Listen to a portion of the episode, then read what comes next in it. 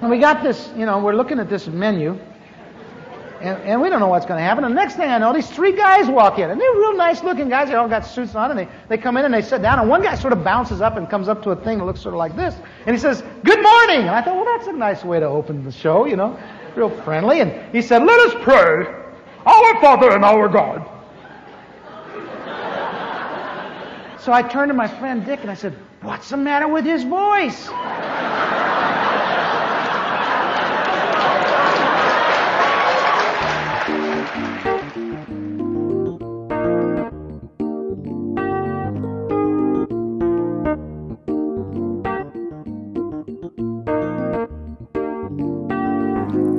Hallå, hallå! Varmt välkomna till Jesusfolket. Mitt namn är Mikael Grenholm och jag hoppas att ni har det bra där ute. Det är väldigt märkliga tider som vi lever i. Coronaviruset har förändrat otroligt mycket i hur vi lever och jobbar och gör allting. Inte minst hur vi gör församling. Jag har lite av en tradition när jag blir sjuk, vilket jag för övrigt inte har blivit än i det här åtminstone. Eh, men när jag behöver dra mig tillbaka och eh, spendera mer tid i stillhet så brukar jag lyssna på John Wimber. John Wimber är min absolut största teologiska förebild. Eh, det finns nog ingen annan som har påverkat mig teologiskt så mycket som han. Han var med och ledde Vineyard-rörelsen i USA. Blev frälst eh, i samband med eh, Jesusväckelsen på 60-talet.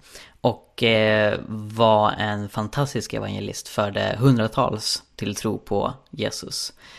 Han undervisade bland annat i kraftevangelisation, hur vi kan använda andens gåvor för att sprida evangeliet och hans kurs om detta på Fuller Theological Seminary i Kalifornien blev massivt populär. Så populär att de gjorde en konferens utifrån kursen och bjöd in vem som helst så inte bara teologistudenter kunde ta del av detta.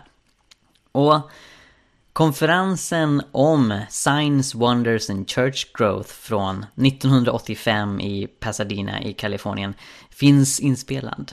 Och den finns på YouTube. Så på hela pingsten så la jag upp för några veckor sedan alla undervisningspass från den här konferensen. För att folk ska ha något att lyssna på när man spenderar mer tid hemma Eh, och jag skrev där att det är eh, mer lärjungatränande än Netflix. Och också mer mirakulöst än många andra predikanter man kan lyssna på idag. Alltså det John Wimber gör är att inte bara snacka om andens gåvor utan de praktiserar bön för helande och praktiserar profetia och kunskapens ord och allt det här finns inspelat och det är väldigt häftigt att ta del av. Så jag vill varmt rekommendera det. Om du likt mig och Sara befinner dig hemma väldigt mycket denna tidsperiod och eh, vill ägna tiden åt att söka Gud, lära dig mer om hans rike och ja, men uppfyllas av hans heliga ande så kan jag verkligen varmt rekommendera John Wimbers undervisning från 85. Och det här finns då på hela pingsten. Jag kommer lägga upp en länk till detta i fotnoten till det här poddavsnittet. Men jag tänker förstås, som ni kanske har listat ut, också presentera eh, en bit av John Wimbers första föreläsning. Eh, vilket inte är så mycket en föreläsning, det är ett vittnesbörd. Och som ni märker så, eller som ni kommer märka snarare, eh, så är han otroligt rolig. eh, alltså John Wimber var en fantastisk talare, han gick hem till Gud 1997. Eh, man var fantastisk på att tala, han, han berättade på ett så medryckande sätt om sin egen frälsning. Hur han gick från att vara fjärde generationens hedning som han kallar sig själv. Han levde i en ficka i USA där ingen runt omkring honom var öppet kristen. Eh, och sen så fann han Jesus på ett radikalt sätt och började då som sagt föra massa andra människor till tro. Det är väldigt eh, häftigt att, att lyssna på och väldigt roligt att lyssna på. Så det ni kommer få höra här är egentligen första halvan av det första passet av 12 pass totalt. Alla de finns tillgängliga på hela pingsten. Så om ni vill höra mer, vilket jag tror att ni kommer vilja, eh, så kan jag hänvisa er dit. Men nu ska inte jag snacka mer, utan här kommer pappa John Wimber och undervisar, eller snarare berättar, om hur han blev frälst och hur han sen började föra massa andra till frälsningen.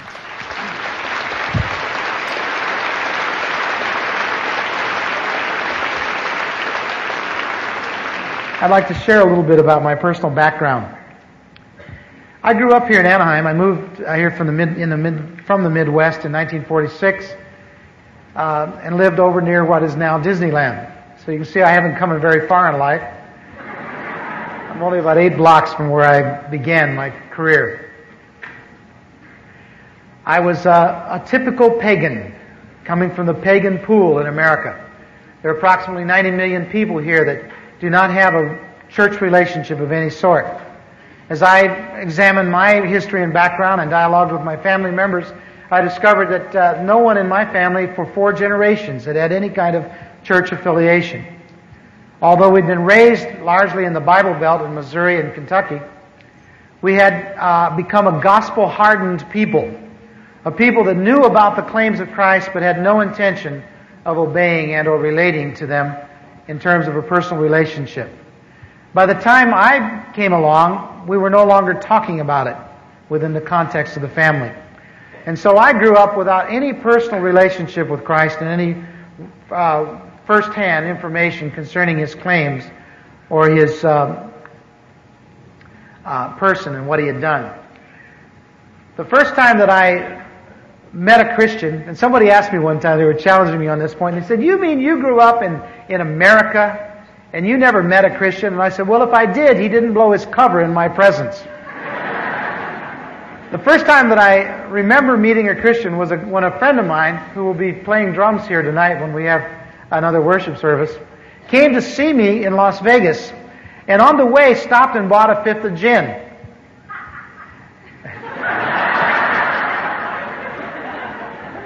That was his wife laughing. And they bought a fifth of gin because they knew I liked gin, and they bought this gin and drank it on the way to Las Vegas because it got very cold, and arrived rather inebriated, drunk, for those of you in the front row. And we went out and had an evening together, and uh, uh, the next day they were both very, very chagrined. And we didn't understand why they were so embarrassed. Well, the truth was they were brand new Christians, and they had come on this pilgrimage of preaching Christ to us. and along the way had been inundated.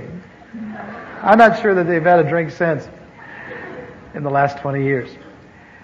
And so instead of sharing us with us the message of Christ, they shared a message of embarrassment. But a few weeks later, they made it good. We'd come back home by then, and uh, Dick came over one day and sat down with me and told me that he'd become a Christian. And I said, What's that? Isn't everybody in America a Christian? And he said, No. He said, I'm a born again Christian. And we, then we began having the dialogue of Nicodemus, Nicodemus and Jesus. And I said, What do you mean born again? Do you have to enter your mother's womb? And he said, No, no, no. It's not a physical birth, it's a spiritual birth. You have to have a second birth. You have to be born again spiritually. Well, I didn't understand what he meant, and, and we talked for an hour or so, and then we went off into other subjects. But over the next few weeks and months, Dick came by regularly and shared with us. My wife and I had already gone through a, a process in which we were hungry for God. We had uh, purchased a Bible uh, just a few months before that and began reading it. But, before I develop that story, I don't want to get ahead of myself. We had uh, also gone through a long and difficult time in our marriage and we were really very ripe and harvestable people, but we were so limited in our understanding. We didn't know the first thing about Christianity. Some months before this occasion in which Dick came, I, I, had gone to Las Vegas to work with one of the groups that I was working with at the time. I was a, uh, at that time I had a show group, but I was also developing uh, a rock and roll group called the Righteous Brothers. And while I was there, um, uh, in Las Vegas, I went through an experience. My wife and I had been separated for a few months, and I went through an experience that uh, that that began uh, for me marked the beginning of my spiritual trek towards Christ. Uh, what had happened was that I had, uh, in the heartbreak of separation and all the pain and agony that goes with that, I had uh, been seeking God in my own way. Now, it's difficult when the only people you know are musicians and druggies and alcoholics and bartenders and waitresses. And I mean, that's the only people I could have dialogue. That's who I was getting my marriage counseling from. You can imagine how good it was. And I was having dialogue with them about religion. And they were saying, oh, yeah, you know, I'm into religion. And, and we talked about all kinds of diverse religions. One guy recommended that the best thing I could do is when I got off work, and by the way, I worked a late night shift, and that was a, a kind of a prestigious thing to do in Las Vegas. The later you worked, the more important your musical group was because that kept people up. And uh, I would get off at 4 in the morning, and I began driving out into the desert and watching the sun come up because someone told me that that was a good way to, to groove on a religious experience. And so I had done that a couple times, you know, sat out there and watched the sun come up. And uh, nothing happened, you know, I, nothing special anyway. But this one day, I was driving out there in the morning, and as I was driving, I began reflecting on where things were in my life. I was, everything was a mess. My relationship with my wife was not good, and my kids, and and everything was a mess, you know. My career was zooming. I was doing well in that area, but I was an unhappy guy. And I was driving along and I began weeping. Now, I had, I had learned one thing in, in my 28 years as on the earth, and that was that a man ain't supposed to cry. You know that one? And so I'm driving along and I begin weeping and I'm embarrassed. I was not only embarrassed, I was humiliated. And I thought, oh no, I'm, I'm, oh no, this is weird. This is really weird. And I was crying more and more and I began sobbing. And finally I had to pull over to the side of the road, get out of the car. I walked around for a while, cussing and kicking the cactus and trying to get a hold of myself. And I think it grows more dramatic with the telling, but I, at one point, you weren't there, were you? At one point, I, I stopped and I looked up at the heavens, and for the first time in my life, I saw the stars and constellations as, as something emanating from someone. And I remember standing there, I was sort of awestruck, and I said, Oh God, if you're there, help me. And I wept for a couple moments, and then all of a sudden this deep shame came over me. I thought, oh no. Oh no, now you've, oh, you've really done it. Now you're talking to the dark. You've gone over the edge. Uh, well, the only thing left is I'll go commit myself into the hospital. But then I remembered that part about my mother and the underwear, and so I thought, well, I better go by the, the hotel and change before I go to the hospital.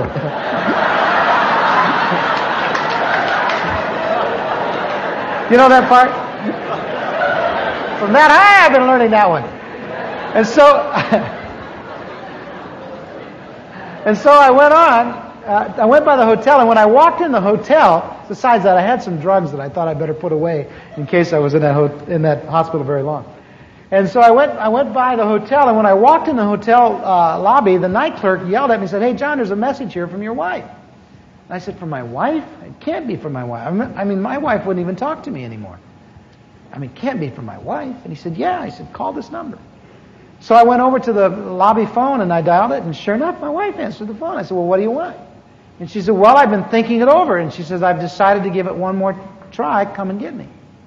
And when she said that, it was like a blow to my chest. I fell back against the wall and I thought, Wow, I'm in touch with the supernatural.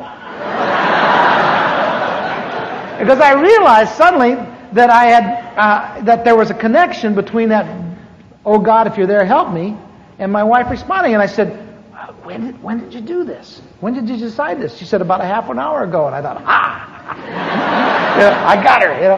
And so I said, well, I'll be right there. Now, I was in Las Vegas, and we lived down by Newport Beach, Fountain Valley, actually, in those days. And I got in the car, and I drove there in three and a half hours. Now, for those of you that are not from Southern California, you don't know how hard that is to do. But I drove fast. Anyway, I remember I, I got in the car, and I'm driving along, and I'm, ex- I'm excited, and I'm, and I'm and I, I said my second prayer. My first prayer was, Oh God, help me. And now I said, "And a baby God, you know. You know, you know, you really got her that time, you know.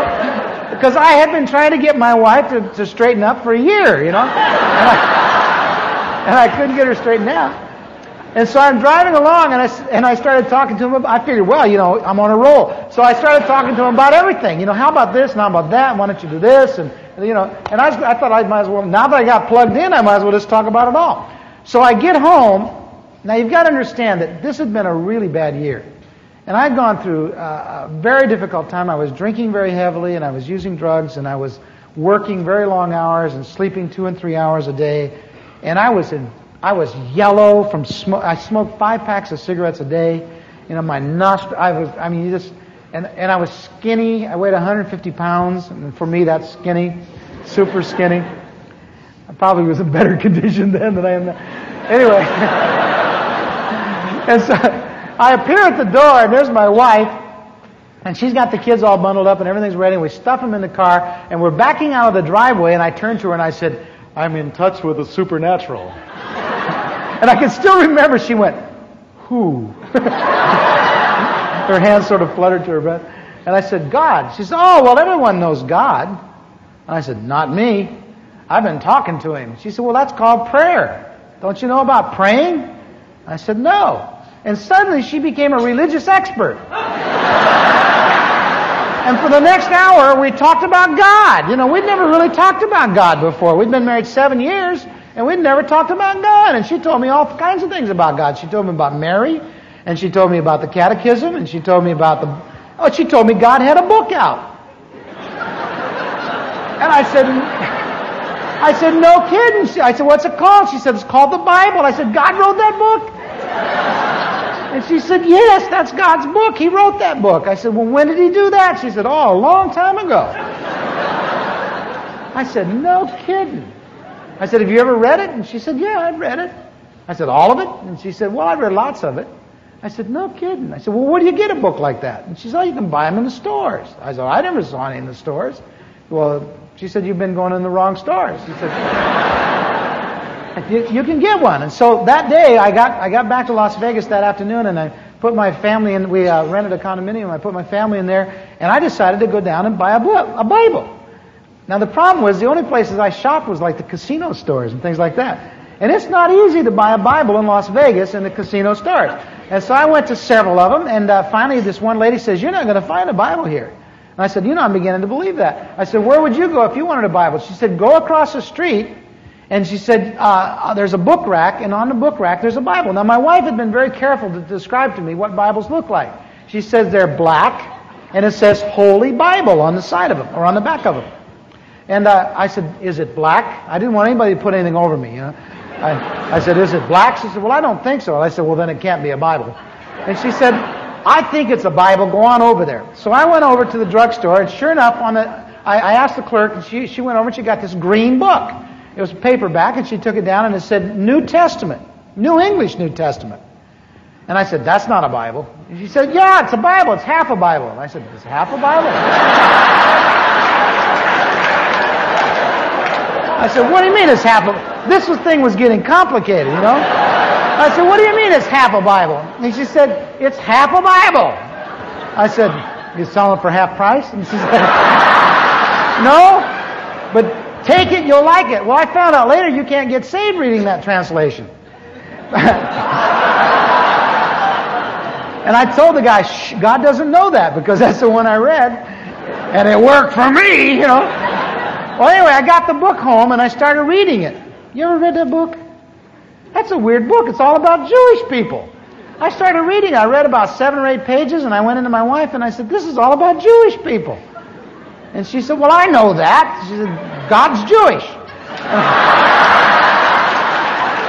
I said, I said, oh, come on. Is he really? You know, now keep in mind, I didn't have any prejudice about Jews because I had worked with Jewish people all my life. I'd been in the entertainment industry, in the garment industry before that, and, and uh, you know, and all through show business and record industry. Every place I worked, I worked with Jewish people. It wasn't any antagonism towards them being Jews. That was just news to me that God was a Jew. I didn't know, you know. And so we tried to read the book. Well, uh, uh, I started taking it with me to work. Now, when I went to work at night, we, we worked the midnight shift from midnight till 4, and we would do a show, and then we would have an intermission while another group did a show, and then we would go back. We were a lounge act. And so during the intermissions, I was taking my Bible, and I was going in and sitting down at the bar, and, and uh, they had these little pin lights, you know, over the bar, and I was, I was sitting there reading one night. And the bartender came over and said, what you reading? And I said, the Bible. And he said, you shouldn't read it here. And I said, why not? The light's good. And, He says, no, he says, you shouldn't read it. Besides, I said, he says, that's not the real Bible anyway. And I, I slammed it down. I said, I knew it. I said, what's the real Bible like? And he says, well, they're black. And I thought, all right, you know, this guy knows. He knows what it is. And I said, and it says Holy Bible on it. And he says, yes. And, and I said, well, where do you get them? He says, well, you buy them at the Bible bookstore, dummy. I said, the Bible bookstore? And he said, yeah. He says, there's one down the street.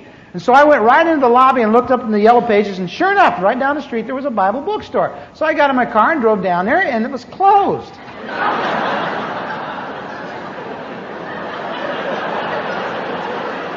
They're missing a lot of business clothes. You know, the sinners are out at that time of night. And so I, I went back to him and I said, they're, they're closed. He said, well, he says, you can get it in the morning. And he, and he wrote a note down. He said, just give him this note and you'll get the real, true Bible. And so the next morning, I waited down there. I got off the uh, shift at 4 o'clock, went down there and parked and waited. And about 8.30, this woman came and opened the door and I followed her in. She was a nice lady. And I said, I want to buy a Bible. And she says, oh, good. And then I found out there's all kinds of Bibles, you know, lots of Bibles. You've got big Bibles and little Bibles. And She said, what kind of Bible you want? I said, I don't know. And I pulled this note out and I handed it to her. And on it it said, the King James Virgin. You know.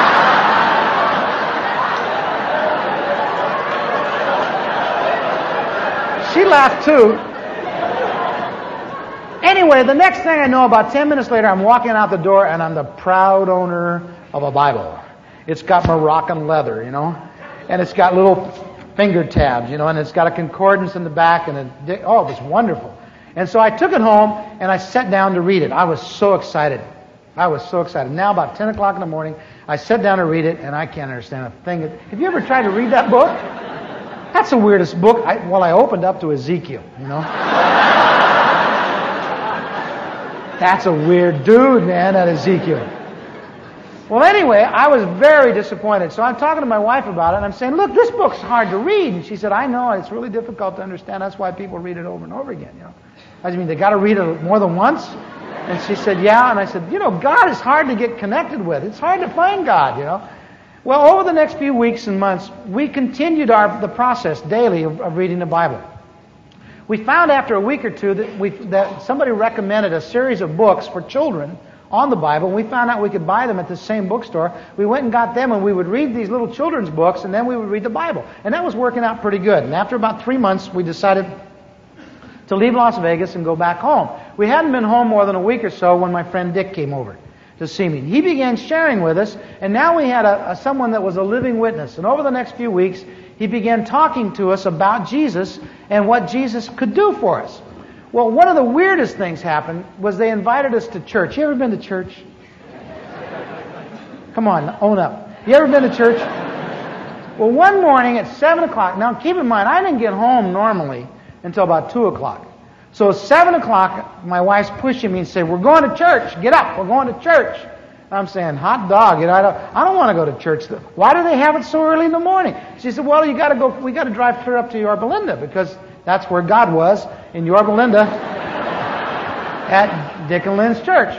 And so we got dressed and we got in the car, you know, and it took us a long time. We couldn't find the kids' shoes, and we and we got in the car. And by then I was mad, and we got in a bit, you know argument, and and we found out later it was the tradition that you're supposed to argue all the way to church. But we didn't know it, you know. We we were all already into the thing, and we we argued all the way up there. And we finally get there, and it's it's a little old building, you know. I remember I drove up in front of it. I thought, this place is hurting, you know. Old and everything. And they got one of these marquees out in front, you know, with a with what's on for the day. And I'm looking at that and I thought, that doesn't look interesting. You know, I didn't even know what it was talking about. The next thing I know, I'm, we're out of the out of the car and we're walking uh, up these steps, and I suddenly realized that I'm the only one there smoking. And I thought, hey, this is 1963. Don't you guys know how? You know? And and I so I started looking for an ashtray. You ever look for an ashtray in one of those places? I couldn't find one for anything, you know. I finally put it out on the ground. And some guy with a flower looked at it.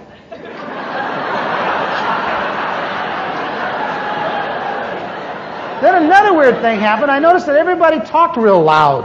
Hi, how are ya? They said, you know. And you can put your child over here, and I'm not going to put my child over there. You know, I don't know what was going on. This is the weirdest thing I had ever been to. And I mean, I've been in and out of bars for years, and nobody had ever treated me this way. And so I'm, I'm walking real close to my wife because I wasn't sure what was going to happen. I, you know, I didn't know what was next. And we walk in through this building, and this guy hands us a menu. And and I'm looking at it, and you know, it doesn't make any sense to me at all, you know. And we're walking along, and my kids, I, I, Chris was on one hand, and Tim's on the other hand, and Carol's got uh, uh, Sean under her arm, and we'd put Stephanie in this thing. They said they'd give her back later on, but we weren't sure. And we're we're walking through there, and uh, uh one of the kids says, "Hey, Daddy, what's that?" I said, "Hell, I don't know." and my wife turned around and said, "Don't cuss." And I said, "I'm not cussing." I'll show you cussing. That's all we were good at in those days was fighting. And so we finally get seated, and they made us sit right down in the front row. Did they ever do that to you? All the back seats were full, and, then, and we had to. and we're sitting there, and we got this, you know, we're looking at this menu, and, and we don't know what's going to happen. And the next thing I know, these three guys walk in, and they're real nice looking guys. They all got suits on, and they, they come in and they sit down, and one guy sort of bounces up and comes up to a thing that looks sort of like this, and he says, Good morning! And I thought, well, that's a nice way to open the show, you know, real friendly. And he said, Let us pray. Our Father and our God. I thought, What's that? So I turned to my friend Dick and I said, What's the matter with his voice?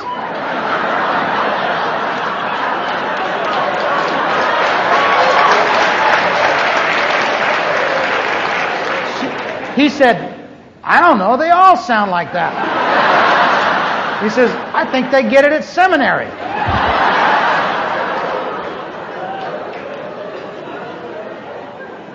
And this guy, and he finished praying, I guess, and then he sat down, and another guy came up and said he was going to ministry, give the ministry of the word. And so they began reading the Bible. Now, keep in mind, all these weeks we had been reading the King James Bible, but we'd never read it out loud. We didn't know what it sounded like. And the guy started speaking, and I thought, oh no, he's got a speech impediment. He lisps. And I turned to my wife and I said, listen to that poor guy. She said, oh, I know, I know. And she said, well, there's, you know, there's no better place to hire the handicapped than, than the church. And I thought, this place is weird. And then they started singing these songs. You ever, you ever heard a congregational song? We had a guy standing right behind us he wasn't that close to any note on the page. You know? I mean, not that close. And I thought any minute those guys with the flowers, you know, they're gonna get rid of this dude. You know, he's not gonna, he's not gonna last long here. And then the next thing, I, you've never been to church. The next thing that happened the next thing, I mean, this is really weird. The next thing that happened on the thing, it said that the choir was going to minister. And when the choir stood up to sing and they hit the first note, I said, This is no choir. this is a pickup group. Surely they couldn't have rehearsed and sound that bad. it was awful.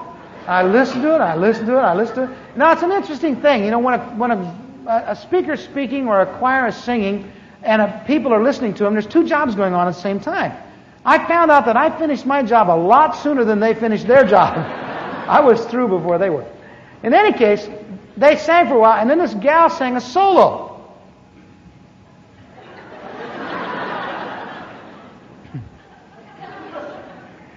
anyway, this gal sang a solo. This is the kind of gal that comes up and introduces her song about, you know, that God's given me this voice and I'm going to give it back to him. And God goes, no.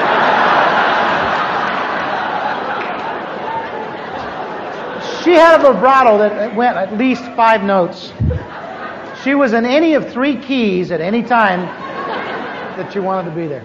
Now, these were lovely people, please understand that, but this was my impression that first day. The next thing I know, this guy's preaching, and I don't know what he's talking about. And I'm listening and I'm listening and I'm counting the tiles and I'm, my kids are squirming and they want to go and they're talking to me and they have to go to the bathroom and they can't go to the bathroom because of the guys with the flowers and, and it's going on and on and on and on and on and on and on and on and on and on and I'm thinking, this is really bad news. I got to get out of here. First of all, I hadn't gone 40 minutes without smoking in years. I was hurting, you know, my nose was draining, you know. Oh, it was awful. So I'm sitting there, I'm thinking, this has got to stop. This has got to stop. And all of a sudden, I knew it was going to stop. Because I could sense the momentum picking up. You know, when the show's going to close, they, they rally for this big finish.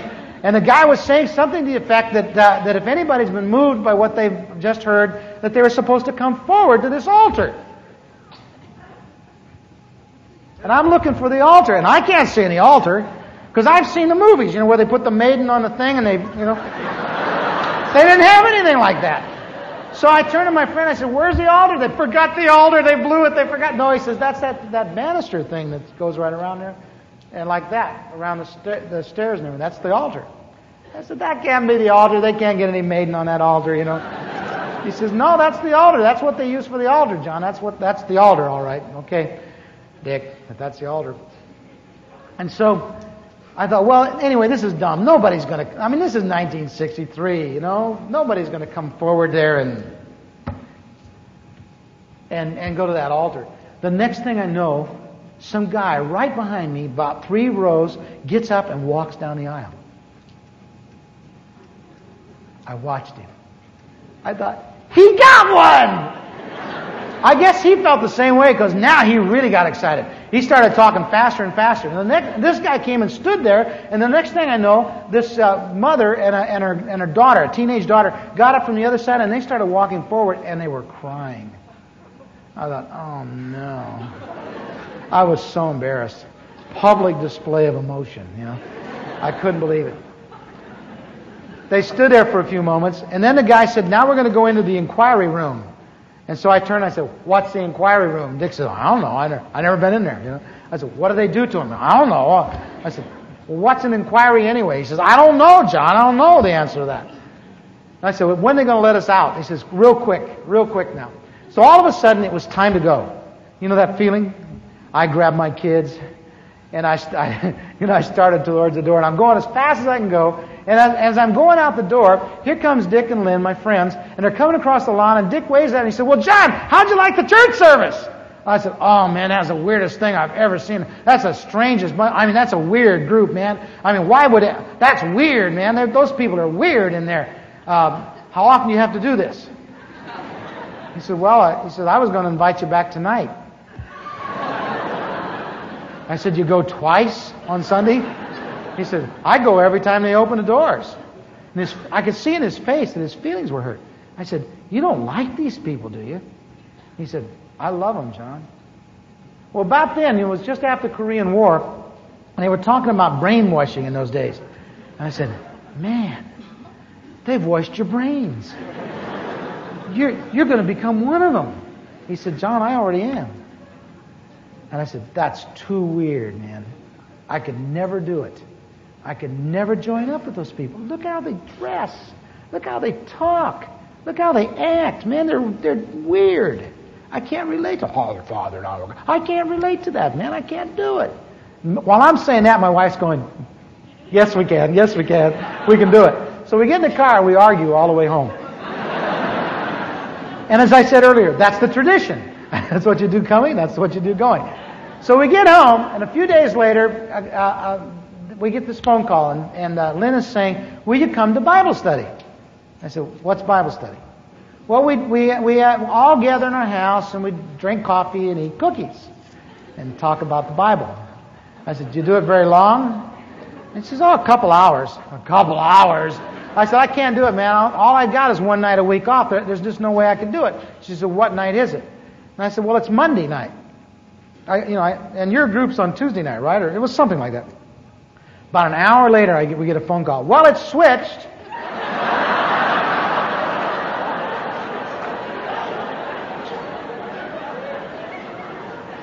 switched. You ever been to Bible study? Have you? Well, we went. That first night we went, and there was a guy that was, his name was Gunnar. And he was a welder, and I figured, well, a welder, he couldn't be too smart. So I'll go. And he was the Bible teacher. And we got there, and it was just Dick and Lynn and my, my wife and I, and this guy named Gunnar, and this other guy, uh, named Bucky. It was a nice little group. And we sat down, and uh, I, I wasn't going to let this guy put anything over on me, you know. And I said, look, man, before we get started, let me just say in front, I don't believe all this stuff. He said, I understand that. And I said, uh, besides that, I, I don't want to know about, I want to know about God. I've been trying to find out about God, and all you guys do is talk about Jesus. And I want to talk about Jesus. I want to talk about God. He said, well, that's because you don't understand that Jesus is God. I said, where does it say that? And so he began thumbing through the Bible and showing me different things in a verse. I mean, I didn't understand most of what he was saying, but he talked and talked and talked and talked and talked and talked, and he talked for about a half hour. And uh, when he got all through, I, I sensed that he thought he'd convinced me, and I said, well, that's really interesting. And, and uh, my friend Dick was sitting there, and he suddenly became the interpreter. Now you've got to understand, I was a musician, and I didn't understand, I didn't know how to talk Christianese. You know what I mean? I mean, somebody would say, "Praise the Lord," or something. I remember a few weeks after I, I was there, somebody walked up to me and said, "Have you been washed in the blood, brother?" I thought,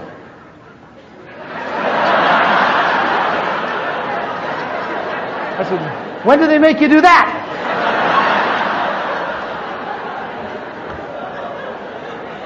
And so I had a hard time with some of the images, you know, and, and the concepts that they were putting at me.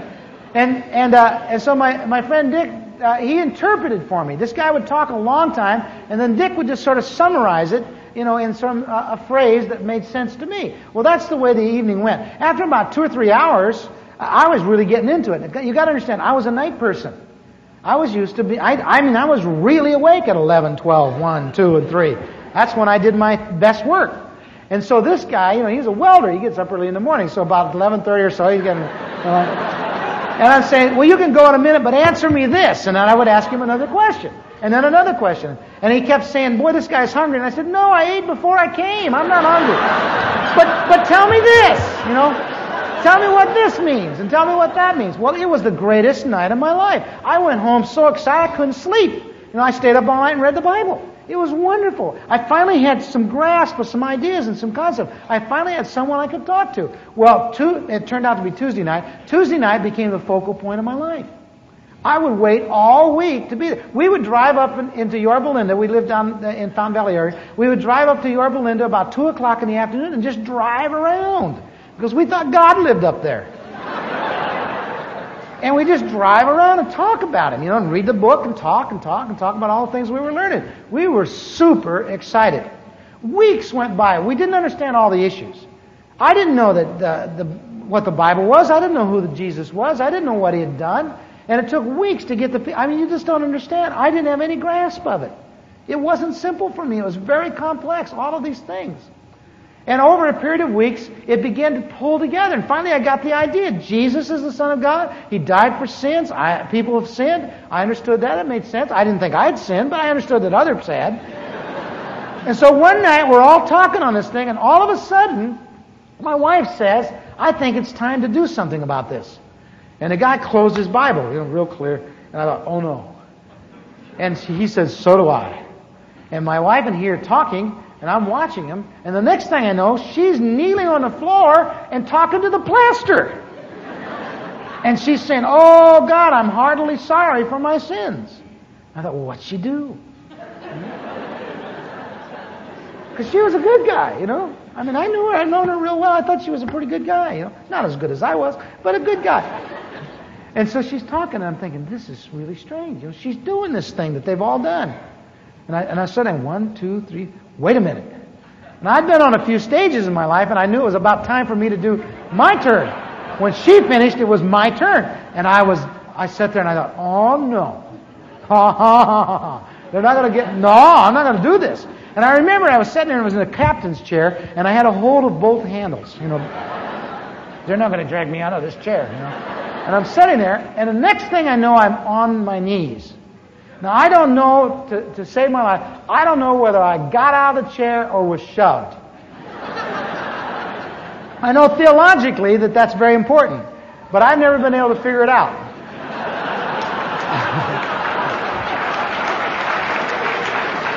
All I know was the next thing, I was on my knees and I was trying to pray this prayer of repentance they kept talking about.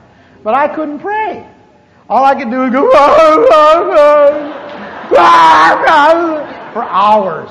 I, it seemed like hours, at least a half hour. My nose is running. It's all over my chest, you know. My eyes are swelling shut. I'm sobbing. My body is racked with pain. And, I'm, and about 20 minutes into it, I'm realizing that I'm making an utter fool of myself. And I thought, if this doesn't work, I'm going to die. How will I explain this, you know? If this thing doesn't connect. And so the next thing I know, I'm, i have a, a, a, recollection. Years before, I'd gotten in, into a situation where I was out of money, came back to Los Angeles. This is when I was a traveling musician. And I needed some money, and I had a friend that did drugs. And he sold them, he was a connection, and he sold them in Pershing Square, you know, great downtown. If you haven't been to, uh, the, you missed it. You had to be there. You had to visit it once to understand it. Pershing Square is a notorious park in the center of uh, Los Angeles. And so I went down there to find my friend who I knew would have some money because drug dealers always have money. And I, and I needed some money. I wanted to borrow some money from him. And uh, while I was waiting for him, it was kind of a miserable day, kind of rainy and everything. I was waiting for him to come. And here comes this guy walking along, and he's got one of these signs, like an Eat at Joe's type of sign, you know, front and back. And on the front it said, I am a fool for Christ. And on the back it said, Whose fool are you? Well, when I saw it at the time, I thought, oh, weird religious weirdo, you know, he went by. But here I am, all these years later, I'm kneeling on my friend's living room floor, I'm sobbing, I'm suddenly realized that I'm making a complete fool of myself, and I said, and I remember that thing. I thought, that's it. That's it. I'm going to be his fool. That's it. And I resolved in my heart at that moment that from that point out, I was going to do the foolish thing in the eyes of the world. I didn't know it was going to be the foolish thing in the eyes of the church, too.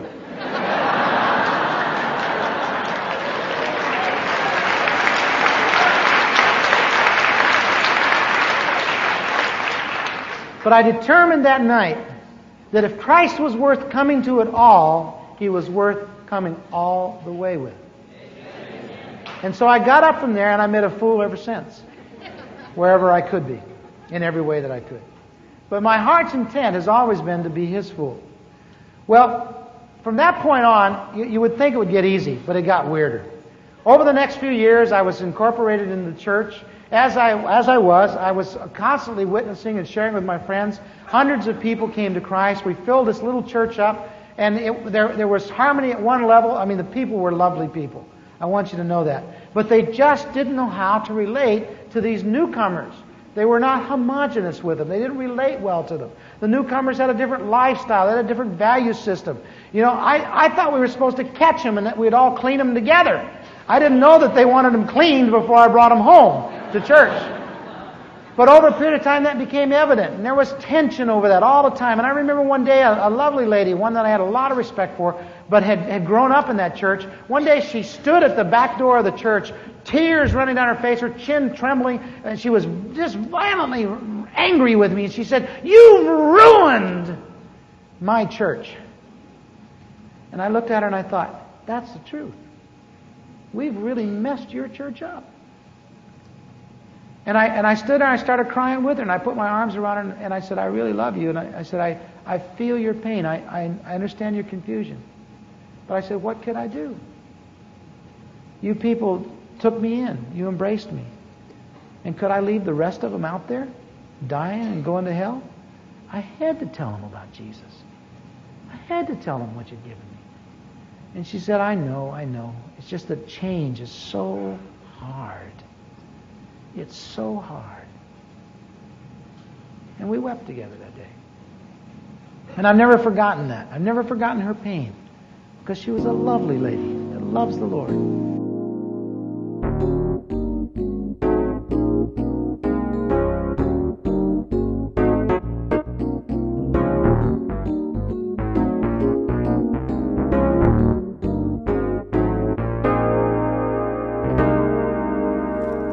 För att du lyssnar på Jesusfolket. Om du vill höra mer, så se till att prenumerera på iTunes, Spotify eller valfri podcastapp. Du kan också lämna en recension, vilket är en eh, liten grej att göra som hjälper oss väldigt, väldigt mycket, så det uppskattar vi verkligen. Ehm, du kan också läsa vår blogg, Hela Pingsten. Vi har mängder med artiklar där om andens gåvor, evangelisation, fred, rättvisa och allt möjligt annat som har med lärjungaskap att göra, så kolla in det. Och vi finns på sociala medier, du kan följa både Jesusfolket och hela pingsten på till exempel Facebook. Tack så mycket, Gud välsigne dig och eh, fortsätt vara en del av Jesusfolket.